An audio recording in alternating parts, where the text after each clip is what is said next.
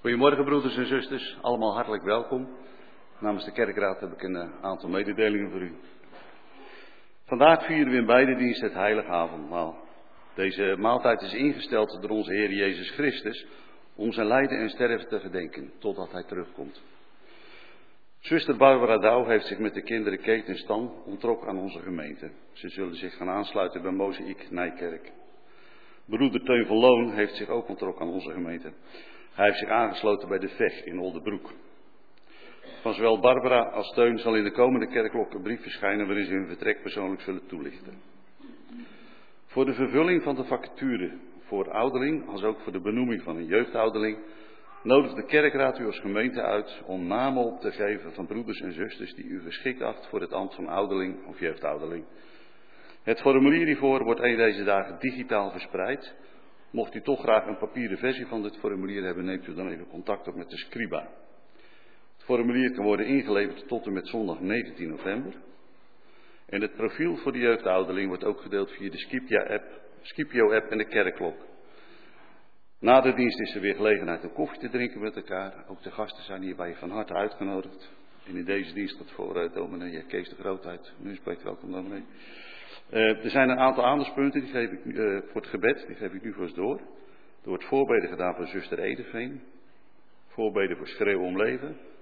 En er wordt gedankt voor de bazar van gisteren, want de opbrengst was 1852 euro en 55 cent.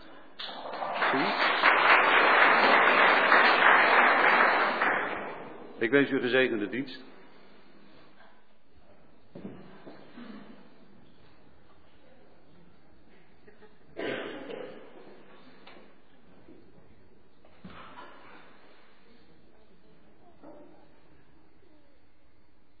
Het is uh, mooi om samen avondmaal te mogen vieren.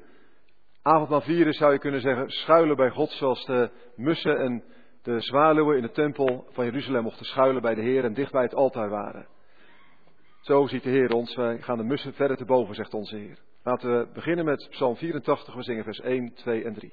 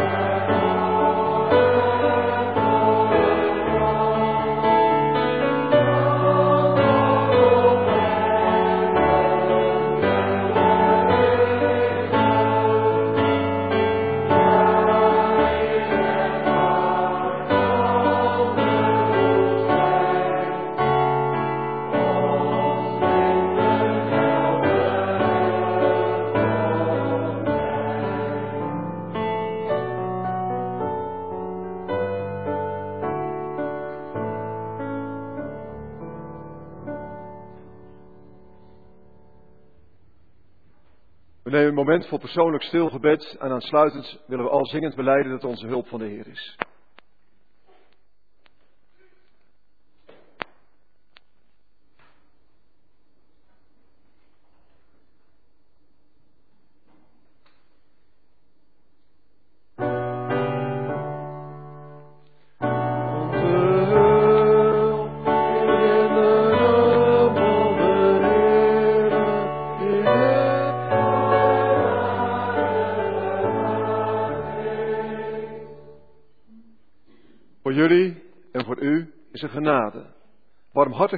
En vrede. Van God onze Vader en van zijn Zoon Jezus Christus in de gemeenschap met de Heilige Geest.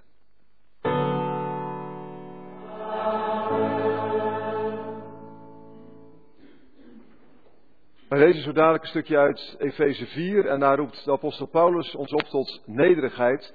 Nederig zijn begint met jezelf klein te maken voor God. Je zou kunnen zeggen, het begint met knielen. We zingen de eerste drie versen van Psalm 138.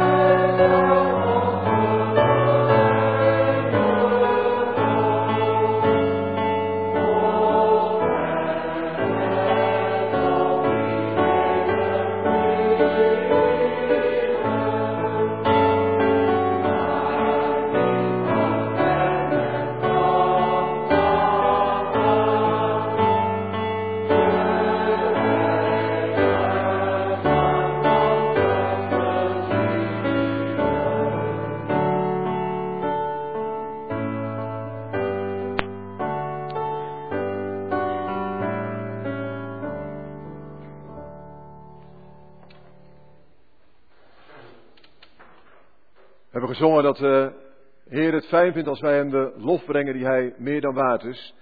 Maar de Heer wil niet alleen dat, ons, dat hem de lof brengen en de eer met onze lippen, maar dat heel ons leven een lofoffer voor hem is. Laten we luisteren welke richting hij ons daarin wijst. Lang geleden sprak God deze woorden. Ik ben de Heer uw God, die uit Egypte, uit de slavernij heeft bevrijd. Vereer naast mij geen andere goden. Maak geen godenbeelden, geen enkele afbeelding van iets dat in de hemel hierboven is, of van iets beneden op de aarde, of in het water onder de aarde. Kun je er niet voor neer en vereer ze niet, want ik, de Heer uw God, wilt geen ontrouw. Als ouders mij haten en zondigen, roep ik hun kinderen daarvoor ter verantwoording tot in het derde en vierde geslacht. Maar als ze mij lief hebben en doen wat ik gebied, bewijs ik mijn trouw tot in het duizendste geslacht. Misbruik de naam van de Heer uw God niet, want wie zijn naam misbruikt, laat hij niet vrij uitgaan. Houd de Sabbat in ere als een heilige dag. Zes dagen lang kunt u werken en al uw arbeid verrichten. Maar de zevende dag is de Sabbat die gewijd is aan de Heer uw God. Dan mag u niet werken. Dat geldt voor u, voor uw zonen en dochters, voor uw slaven en slavinnen, voor uw vee en ook voor vreemdelingen die bij u in de stad wonen. Want in zes dagen heeft de Heer de hemel en de aarde gemaakt en de zee met alles wat er leeft. En op de zevende dag rustte hij. Daarom heeft de Heer de Sabbat gezegend en geheiligd. Toon eerbied voor uw vader en uw moeder. Dan zult u lang leven in het land dat de Heer uw God u geven zal. Pleeg geen moord. Pleeg geen overspel. Steel niet. Leg over een ander geen vals getuigenis af. Zet uw zinnen niet op het huis van een ander en evenmin op zijn vrouw, op zijn slaaf, zijn slavin, zijn rund of zijn ezel, of wat hem ook maar toebehoort. En toen men eeuwen later aan de Heer Jezus vroeg, meester zeg ons, welke van deze tien is nu de belangrijkste? Toen zei de Heer Jezus, ge zult de Heer uw God liefhebben, met geel uw hart, met geel uw ziel, met geel uw verstand. Dat is het eerste en het grote gebod. En het tweede, daaraan gelijk, ge zult uw naaste liefhebben als uzelf. Aan deze twee geboden hangt heel de wet en de profeten. Nu, zo leven kunnen wij niet uit onszelf. Dat kan alleen maar als God in ons werkt en ons kneedt en vormt naar het beeld van de Heer Jezus. We antwoorden met opwekking 598.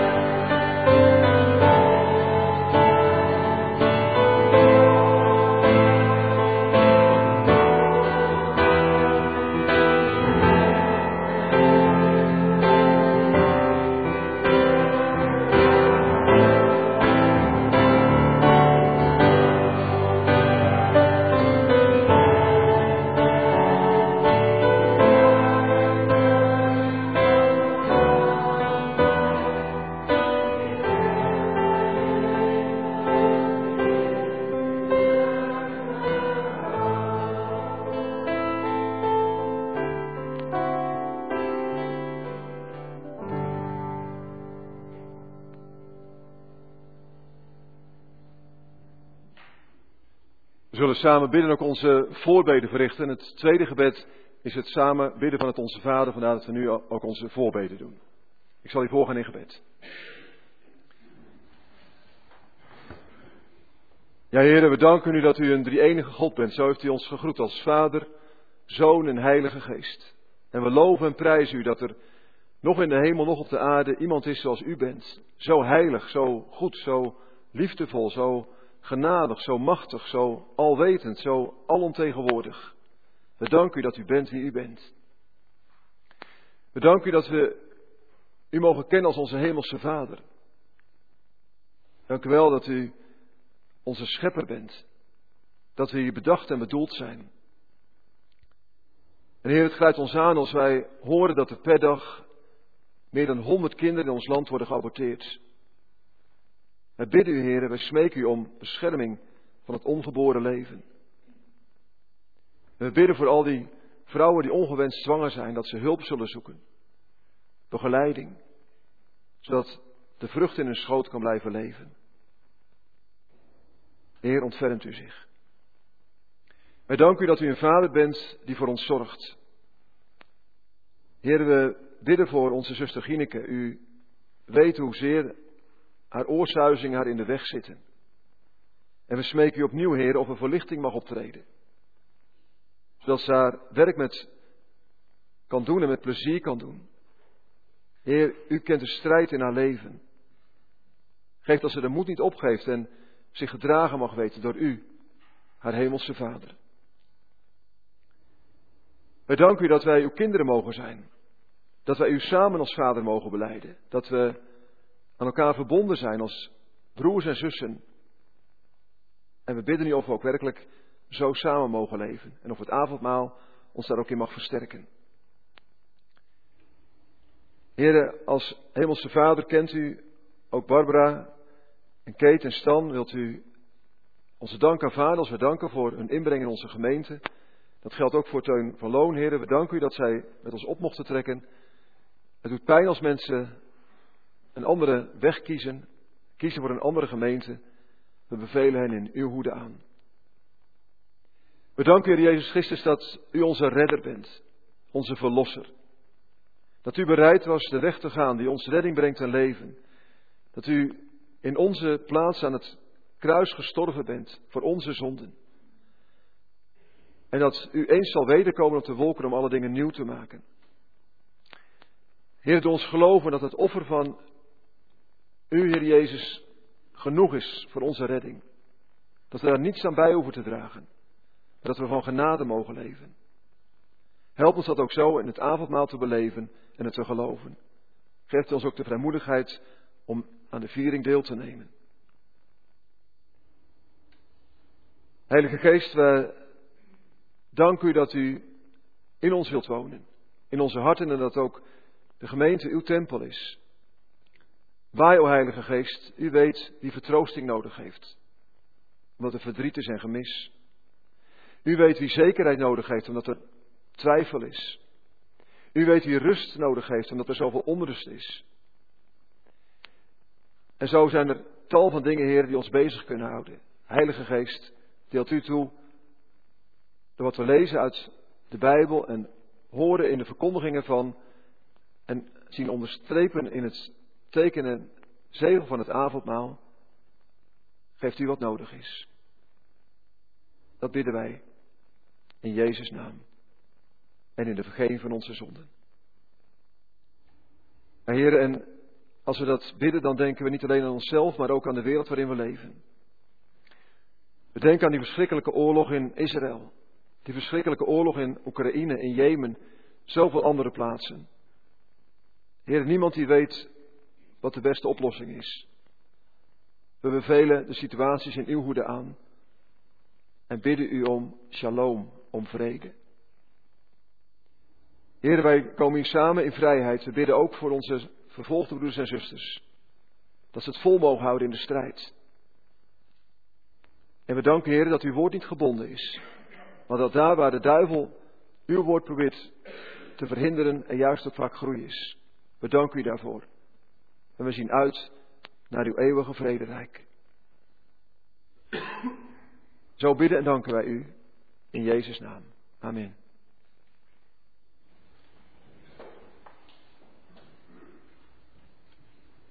In Nunspeet, waar ik predikant ben, eh, lees ik voor de kinderen vaak voor uit dit boekje. Dat gaat over Tim en Sophie. En ook nu een heel klein stukje over Tim en Sophie. En Tim en Sophie die logeren vaak bij hun opa en oma. Of eigenlijk moet ik zeggen bij opa, want oma is al overleden. Maar ze zijn nu bij opa. En dan zeggen ze, opa, mag ik u iets vragen? Opa schrikt op uit zijn boek. Hm, uh, ja, zeg het maar Sophie. Opa, wie vindt u nou het allerliefste? Mij of Tim? Nou, allebei natuurlijk, wacht opa. Ik hou van jullie allebei evenveel. Maar Tim zei pas dat u had gezegd dat u hem lief vond. Dat zei hij tegen mij. Ja, dat kan wel kloppen, Sophie, maar waarom zeg je dat? Opa kijkt Sophie rustig aan met een schuin hoofd. Nou, gewoon. Ik dacht dat u hem liever vond dan mij. Daar hebben jullie toch geen ruzie om gemaakt? Sophie blijft even stil en zegt dan: Ja, opa, een beetje wel. Begrijp ik het nou goed, Sophie? Omdat ik tegen Tim zei dat ik hem lief vond, dacht jij: Opa vindt mijn kleine broertje liever dan mij? En dat maakt jou dan een beetje boos? Sophie knikt voorzichtig en kijkt wat naar beneden. Kijk me eens aan, Sophie, zegt opa. Als ik dat tegen Tim zeg, dan meen ik dat echt. Maar dat betekent niet dat ik niet van jou hou. Maar als jij zou denken dat ik dan minder van jou hou, doet me dat wel een beetje verdriet. Opa's ogen staan nu heel ernstig. Echt, Sophie, ik hou ook heel erg veel van jou. Het klinkt misschien gek, maar jullie zijn allebei het allerliefste kleinkind dat ik heb. Geloof je dat? In de Bijbel lezen we dat de Heere God van ons allemaal evenveel houdt. En dat is mooi verteld door de apostel Paulus, want hij zegt je kunt de kerk zien als een lichaam. Je hebt een hoofd en het hoofd is de Heer Jezus, want zonder het hoofd kun je niet leven. Hij is de belangrijkste, de Heer Jezus. En wij, wij horen bij dat lichaam en de een is een pink en de ander is een elleboog en weer een ander is een hand en weer een ander is een knie en weer een ander is een voet. Maar jullie zijn allemaal even belangrijk, want Heere God houdt van ons allemaal evenveel. Hij is onze hemelse Vader en de Heer Jezus is ons hoofd. Daar gaan we over zingen. Dit is mijn hand en dit is mijn voet en niks is er overbodig. Je hebt ze allemaal nodig. En als we dat gezongen hebben, dan mogen de kinderen van, nou zeg maar groep 5 tot en met 8 een puzzel komen halen. Die liggen daar op het knielbankje met een pen. als je straks goed naar de preek luistert, dan kun je de antwoorden invullen.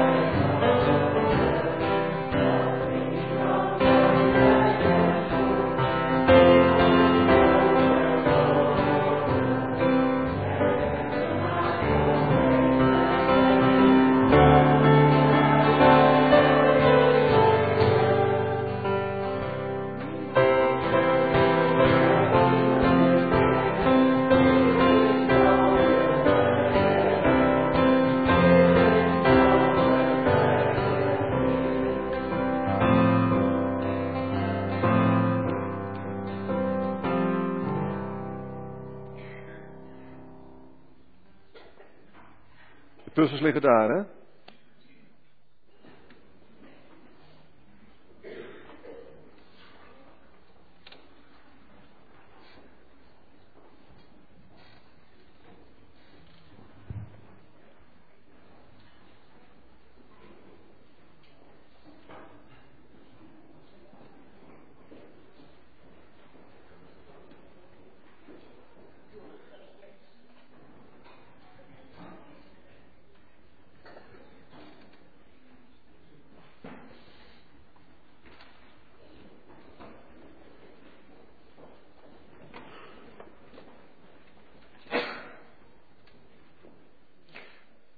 We gaan zo dadelijk uit Efeze 4 lezen en dat is eh, de laatste preek op dankdag na die ik in, uh, over deze tekst die ik in Nunspeet hield. Daar is het jaarthema Schijn door mij. De kerkenraad heeft daar vier richtingen bij bedacht en een van die richtingen is hoe kunnen, we kunnen ook schijnen door in een verdeelde samenleving aan verbondenheid uh, te werken. En vanuit dat oogpunt kwam ik bij Efeze 4 vers 1 tot en met 6 uit. En Akkie zal voor ons de lezing verzorgen.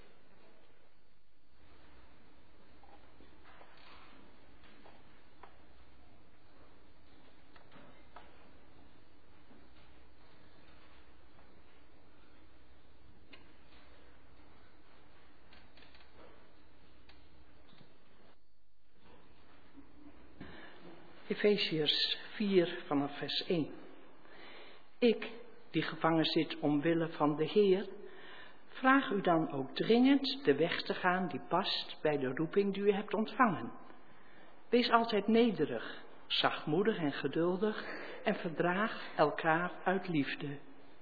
Span u in om door de samenbindende kracht van de vrede de eenheid te bewaren die de geest u geeft. Eén lichaam en één geest, zoals u één hoop hebt op grond van uw roeping. Eén Heer één geloof, één doop, één God en Vader, van allen die boven allen, door allen en in allen is.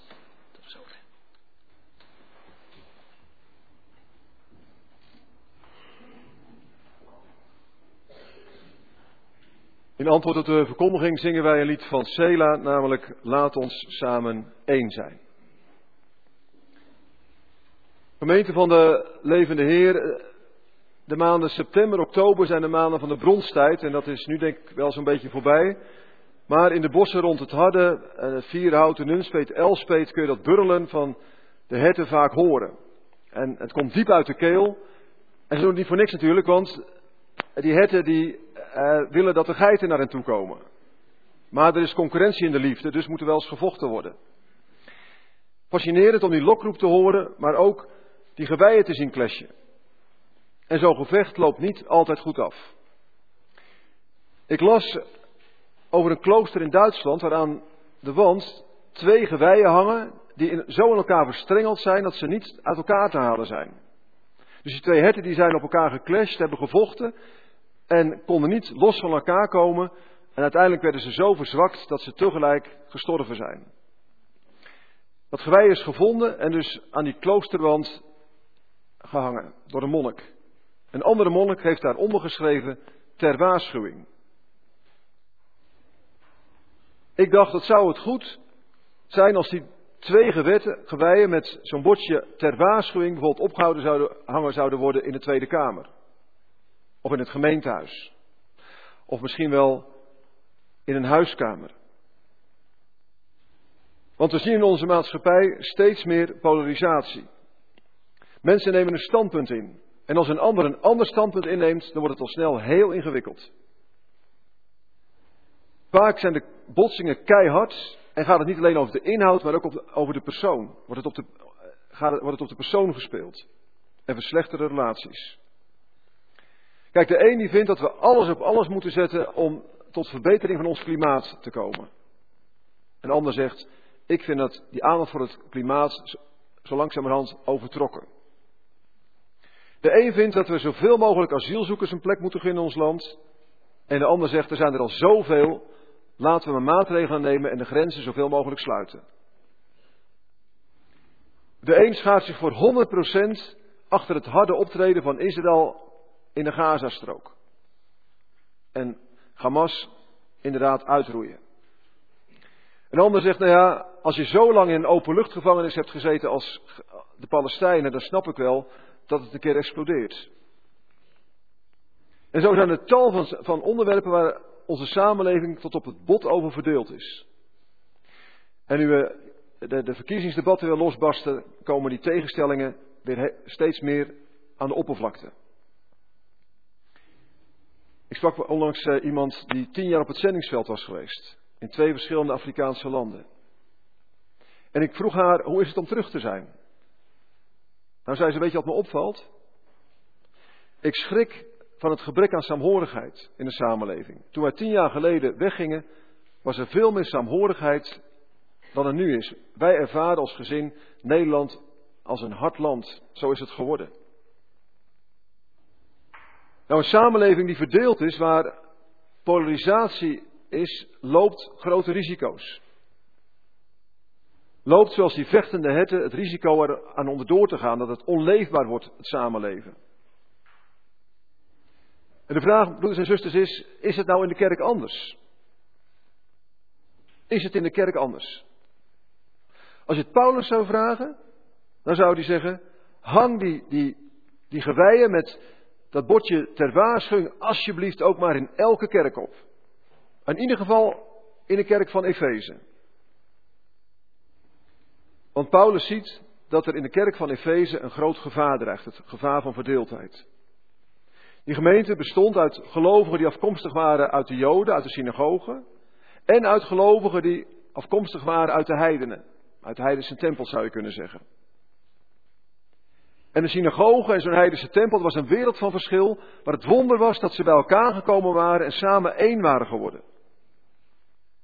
Paulus schrijft in hoofdstuk 2, maar Jezus heeft door zijn dood Joden en niet-Joden verenigd.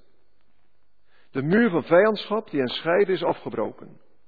Zo bracht hij vrede en verzoende hij beiden in één lichaam met God. En dankzij hem hebben wij, gelovigen uit de Joden en niet-Joden, allen door één geest toegang tot de Vader. Dat is het wonder van de kerk. Mensen laten zich inwinnen door Jezus Christus.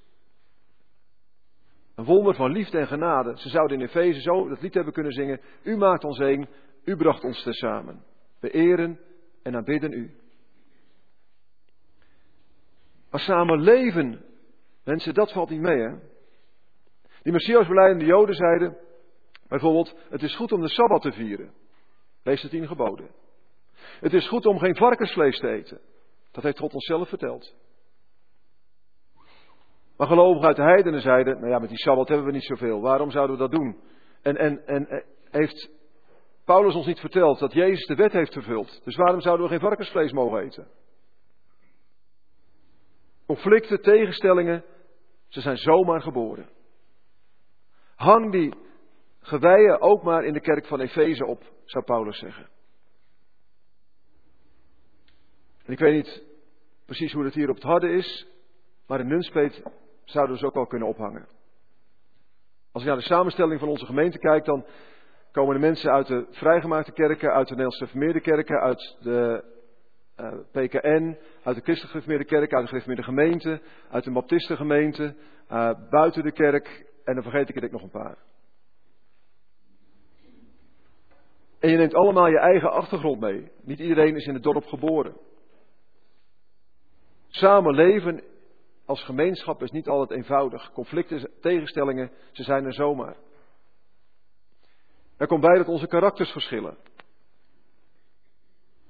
En je, de wijze waarop je het geloof beleeft. De een is van nature opgewekt en een ander sombert regelmatig. De een neemt graag snel beslissingen en de ander heeft een poosje nodig om na te denken, alvorens tot een beslissing te komen. De een beleeft het geloof vooral met zijn of haar gevoel. En voor een ander is het veel meer iets van het verstand. Met al die verschillen samen één gemeente te zijn, dat valt niet mee. En daarom roept Paulus op de eenheid te bewaren. Hij schrijft, span u in om door de samenbindende kracht van de vrede de eenheid te bewaren die de geest u geeft. Het woordje bewaren is hier een bijzonder woord, hè? want als je iets bewaart, is het er al. Je kunt alleen maar iets bewaren wat er al is. Wij hoeven met andere woorden niet één te worden, we zijn één. De eenheid van de kerk is een geschenk van de Heilige Geest. De eenheid van de kerk is, het, is een wonder. Die kerk is een volkomen eenheid. Want Paulus noemt zeven keer het woordje één. En zeven, dat is het getal van God. Zes is het getal van de mens, van de duivel. Maar zeven is het getal van God. Het getal van de volheid. De kerk is zeven keer één, ze is van God. Eén lichaam, één geest, één hoop, één Heer, één geloof, één doop, één God en Vader. Als je nou dat rijtje ziet, wie of wat staat er dan in het midden? Dat is de Heer, hè? In de kerk gaat het om Jezus Christus. Alles draait in de kerk om Jezus Christus. En des te meer wij ons op Hem richten, des te meer eenheid zal er zijn en des te minder verdeeldheid. En vanmorgen vieren we het heilige avondmaal. Avondmaal vieren is zeggen, ja Heer, ik besef dat U het centrum van mijn bestaan wilt zijn. En wilt U het alstublieft ook zijn en blijven. Jezus is het hoofd van het ene lichaam. En prachtig dat wij in dat lichaam, zoals we net hebben gezongen met het kinderlied, allemaal ons eigen plekje mogen hebben. Die eenheid heeft de verschillen niet op, maar laat zien hoe rijk we zijn met elkaar. Dat we elkaar mogen aanvullen, dat we samen gemeente mogen zijn. Avondmaal verbindt ons aan elkaar. We delen allemaal in het ene brood. Het lichaam waarvan Jezus het hoofd is, dat ene lichaam van die ene Heer, kan alleen maar leven als de geest het beademt. Er is één geest. En van het lichaam is het hoofd Jezus Christus al in de hemel. En onze catechisme zegt zo mooi, omdat Hij in de hemel is, zal zijn lichaam, dankzij zijn hemelvaart, eens volgen. Dat betekent dat er één hoop is voor al Gods kinderen. Een voorrecht om van de hoop te mogen leven. Eens komt er een einde aan de verdeeldheid en de polarisatie. En zullen Gods kinderen voor eeuwig vrede beleven. Aan het avondmaal zien we uit naar de wederkomst van onze Heer. Doe dit, totdat ik kom, zei de Heer Jezus. Die ene God is de Vader van ons allen. Hij is boven allen, door allen en in allen. En geweldig als je God als je hemelse Vader mag kennen. Als een God die zorgt, die je draagt, die je leven leidt. Die alle dingen doet medewerken ten goede. En als ik voor mezelf spreek, het mooiste van al vind ik dat God van me houdt zoals ik ben. Niet dat God alle dingen van mij en van u en, en jullie goedkeurt. Natuurlijk niet. God haat de zonde. Maar God houdt van de zondaar. Als we naar het avondmaal gaan, dan brengen we niks mee, mensen. We komen met lege handen. En we vragen, heren, hier ben ik als een zwak mens, zonder kleven me aan. Maar ik wil leven van uw genade. En ik geloof dat u mijn handen wil vullen met genadebrood. Zoals onze hemelse Vader zegt, kom maar, ik hou van je. De eenheid die de geest ons geeft, is een hele bijzondere eenheid. Zoals de kerk is er in de wereld geen groep, geen andere organisatie. De kerk is zeven keer één. Eén lichaam, één geest, één hoop, één Heer, één geloof, één doop, één God en Vader. Prachtig om bij die kerk te mogen horen. Die gegeven eenheid, broeders en zusters, is kostbaar, maar tegelijk ook heel kwetsbaar. Paulus weet daarvan. Aan het einde van zijn brief komt hij te spreken over het werk van de duivel. En de duivel is listig. Hè? De duivel is de diabolos, de in de wasschopper, letterlijk. Die schopt het werk van God in de war. Daar waar eenheid is, zorgt de duivel voor verdeeldheid. Daar waar vrede is, zorgt de duivel voor onvrede. En precies daarom is het goed om de aanwijzingen die Paulus geeft om de eenheid te bewaren ook heel serieus te nemen. De geest zorgt ervoor, want het is de geest die je helpt de eenheid te bewaren, die gegeven eenheid te bewaren. De geest zorgt ervoor dat je anders gaat kijken, dat je leert omdenken zou je kunnen zeggen. De geest zegt, kijk nou eens naar de ander zoals God naar jou kijkt. En God kijkt naar ons, zei Calvijn, door de bril van Christus. Ik las in een boek dat iemand eh, die opmerking van Calvijn citeerde. God kijkt door ons door de bril van Christus. En iemand schreef daarbij, en die bril is vast roze van kleur en er staan een boel hartjes op het montuur. Maar als God Christus voor ogen heeft, dan ziet hij onze zonden niet meer, dan ziet hij onze mogelijkheden. Als wij elkaar door de bril van Christus zien, dan komt er ruimte. Ruimte voor die ander. Zoals er in Gods hart ook ruimte voor ons is. Als de geestje dit omdenken, zegt Paulus, dan zal er ook ruimte komen voor nederigheid. Als je nederig bent, dan plaats je jezelf niet op de voorgrond. Dan bijt je niet vast in je eigen standpunten en ideeën. Dan maak je je klein. Geef je de ander ruimte. We begonnen niet voor niets met Psalm 138. Nederigheid leer je op de knieën, mensen. Als je jezelf klein maakt voor God, dan zie je hoe groot Hij is. En dan zie je ook dat er geen enkele reden is om jezelf te verheffen en breed te maken. Dan ga je ontdekken wie je zelf bent, een klein, zwak mensje. Dan gun je een ander ruimte. Dan krijg je een hekel aan verdeeldheid en polarisatie. Als de geest je leven kleurt, dan zal je niet alleen nederigheid leren, maar ook zachtmoedigheid en geduld. En ik vermoed dat de meeste eerste lezers, eerste hoorders, gedacht hebben bij zachtmoedigheid aan hun huisdier. Hoezo? Nou, het Griekse woord voor zachtmoedigheid betekent, wanneer het van dieren wordt gebruikt, tam, niet gevaarlijk. Met andere woorden, zachtmoedigen zijn niet gevaarlijk voor hun omgeving. Zachtmoedigen slijpen bij verschil van inzicht de messen niet. Proberen zich te verplaatsen in de denkwijze van de ander. Zachtmoedige mensen kunnen persoon en zaak scheiden. Als je zachtmoedig bent, ben je trouwens geen deurmat, hè? Laat je niet over je heen lopen. Dat is het niet. Denk aan de Heer Jezus. Hij was zeer zachtmoedig.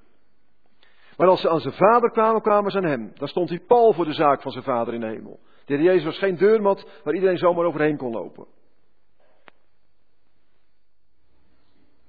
Maar je zette alles op alles om verdeeldheid te voorkomen. En daarbij ben je geduldig. Het oorspronkelijke woord bestaat uit twee delen. Uit het woord lang en getemperd. Iemand met een kort lontje barst snel in woede uit. Iemand die geduldig is, blijft lang getemperd. Raakt niet snel oververhit. Geduld heeft een remmende werking op conflicten. En tenslotte leert de geest ons elkaar in liefde te verdragen. Letterlijk staat er een woord dat betekent iets omhoog houden. Als je ontdekt dat God jou, ondanks je falen, niet zomaar laat vallen, maar je blijft dragen, zal je ook een ander, als die in jouw irritatiezone zit, in je jeukzone, niet zomaar laten vallen. Maar je zal alles op alles zetten om hem in liefde te blijven dragen. En het kost wat, hè. Ik ga zelf niet naar de sportschool, maar ik spreek wel eens mannen die naar de sportschool gaan en iets lang in de lucht houden. Dat kost heel veel energie. Het kan ook alleen maar uit liefde, zegt Paulus. De liefde die de geest in jouw hart werkt. Om iemand lang in de lucht te houden en niet te laten vallen. Als wij zo gemeente zijn, ja, dan nemen we die waarschuwing van Paulus ter harte. En dan komen we door Christus Jezus de verschillen te boven. En mensen, dit alles kan alleen maar als we het bidden doen. Wij begonnen in Efeze 4 te lezen. Efeze 3 eindigt met die prachtige woorden over het gebed dat God bij machten is oneindig veel meer te doen dan wij kunnen bidden en beseffen. En om die reden, zegt Paulus, buig ik mijn knieën voor de Vader. En daarom is het goed te bidden, Heilige Geest, dank u voor de eenheid van de kerk. Help ons die eenheid te bewaren. Heer Jezus, maak ons zachtmoedig en nederig van hart, zoals u was. En schenk ons geduld om veel te verdragen. weet je, daar waar eenheid is, wordt dat gezien in de omgeving. En het omgekeerde is ook waar. Als een kerk scheurt, als er problemen zijn in een gemeente, dan weet zo het hele dorp, de hele stad en zelfs het hele land via de pers ervan. Dat is anti-reclame voor de kerk. Laten we daarom bidden en alles op alles zetten om de eenheid van de kerk te bewaren. En die kerk is bedoeld als oefenplek. En de kerk is er voor de wereld. Als wij in de kerk leren de eenheid te bewaren, door nederig te zijn, geduldig, zachtmoedig, elkaar in liefde te verdragen, dan kunnen we dat wat de geest ons hier leert in de kerk, in de gemeenschap waarin we leven, in de samenleving inzetten. En zo een bijdrage leveren om aan, meer, aan verbinding te werken in een gepolariseerde samenleving. Zodat mensen niet telkens, zoals die herten, dodelijk in elkaar verstrikt raken. Mogen het zo zijn. Amen.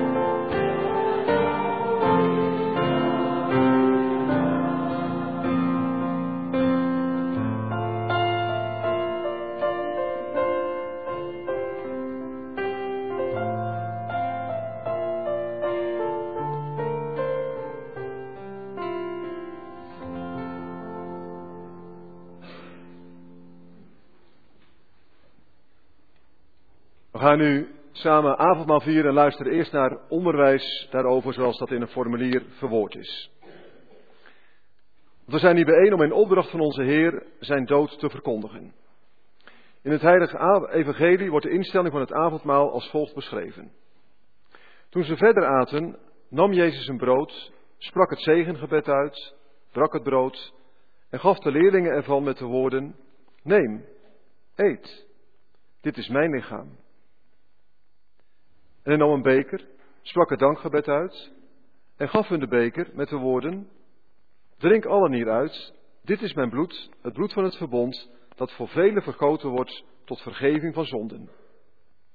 Ik zeg jullie, vanaf vandaag zal ik, het niet, zal ik niet meer van de vrucht van de wijnstok drinken, tot de dag komt dat ik er met jullie opnieuw van zal drinken, in het koninkrijk van mijn Vader. In het avondmaal gedenken we hoe onze Heer Jezus aan het kruis zijn lichaam en bloed voor ons offerde.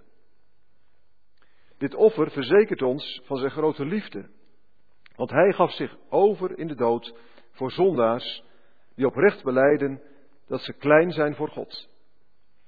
Dat maakt ons blij en dankbaar, want door zijn dood ontvangen wij het leven. Als broers en zusters van één huisgezin vieren we ons geluk met dit geestelijke feestmaal. Aan tafel worden we door Christus gevoed en bemoedigd en wordt onze verlossing zichtbaar gemaakt. Hij versterkt ons geloof door de Heilige Geest. Met des te meer blijdschap en dankbaarheid zullen we de Heer dienen in ons leven van elke dag. Het avondmaal is kortom vol van vergeving en vreugde, maar, maar we mogen het niet achterloos of zonder geloof gebruiken. De Heere vraagt van ons een oprecht besef van schuld. En maakt zich boos over ons als we ons niet dagelijks van harte tot Hem bekeren. Als we dan toch deelnemen aan de viering, halen we alleen maar grotere toorn over ons. Ga daarom bij uzelf na hoe u het avondmaal viert. Kom aan de tafel met een oprecht hart. Ontvang het brood en de wijn en verheug u. Verheug u over uw redding in en door Christus. Per inleiding op de tafel zingen wij nu van gezang 381, vers 1 en 2.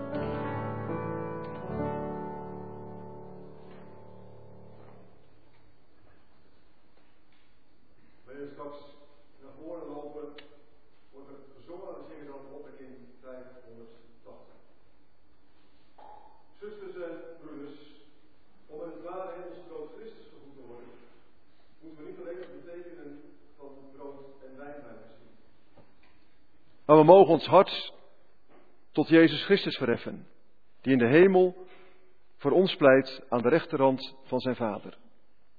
Laten we vast geloven dat we even zeker met zijn lichaam en bloed gevoed en verkwikt worden, als wij dit brood en deze drank tot zijn gedachtenis ontvangen. Het brood dat we breken is een gemeenschap met het lichaam van onze redder Jezus Christus. Neemt ze dadelijk dit brood, eet ervan, gedenkt en gelooft dat Hij zijn leven heeft gegeven in de dood tot een volkomen verzoening van al onze zonden.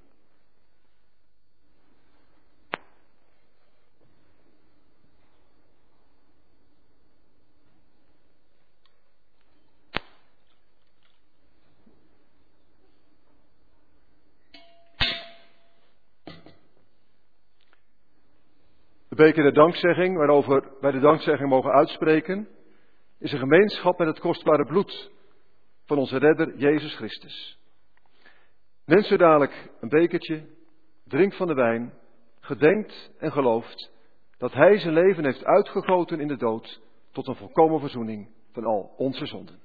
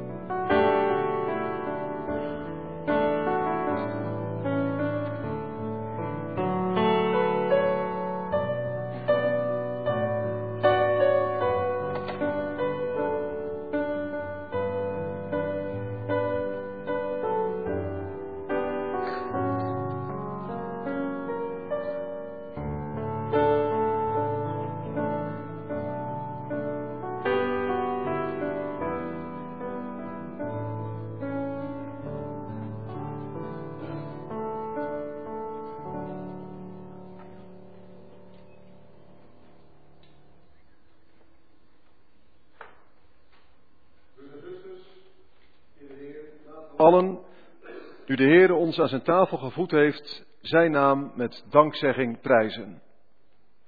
Loof de Heere mijn ziel en al wat in mij is, zijn heilige naam.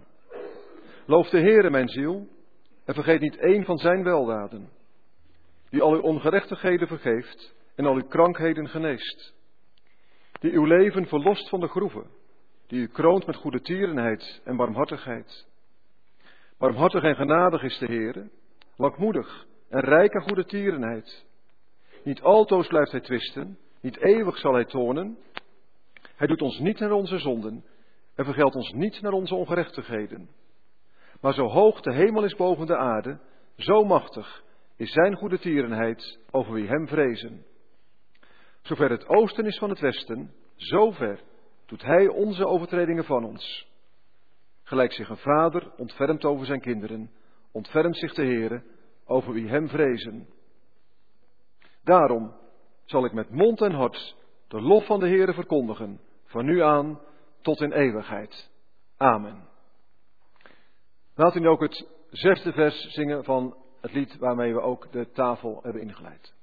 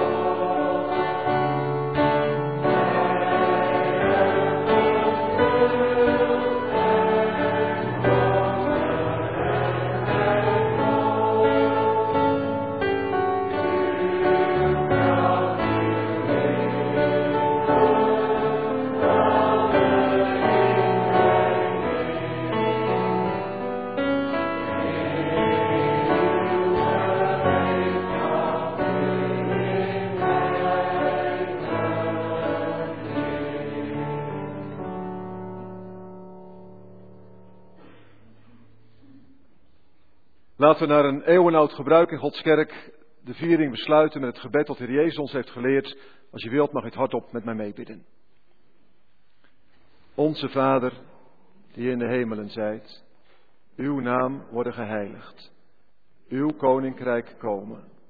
Uw wil geschieden, gelijk in de hemel, als ook op de aarde.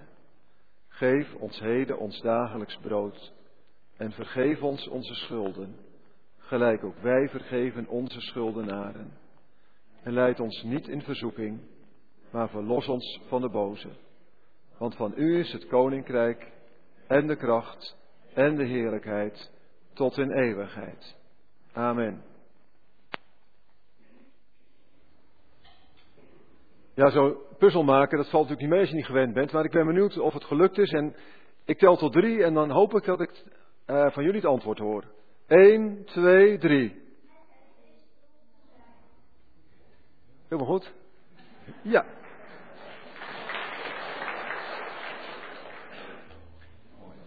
Is een moment voor de collecte en aansluitend zingen wij vers 1, 3 en 4 van gezang 314.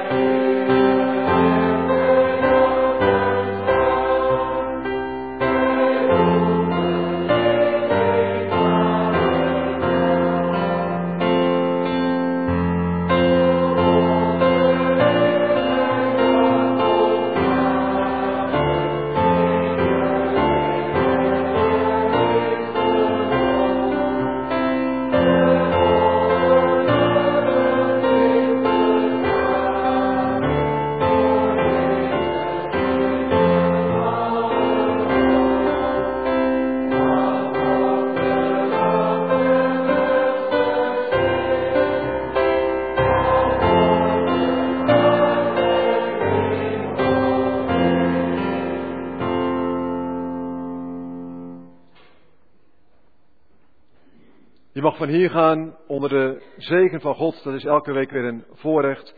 En die vooralsnog beantwoorden met het laatste couplet van opwekking 436. Dat is het Onze Vader. En dan zingen we van u is het koninkrijk en wat dan verder volgt. Ontvang dan de zegen van de Heer. Genade van Jezus Christus onze Heer. De liefde van God onze Vader. En de troostvolle gemeenschap van de Heilige Geest. Zij en blijven met u en jullie allemaal.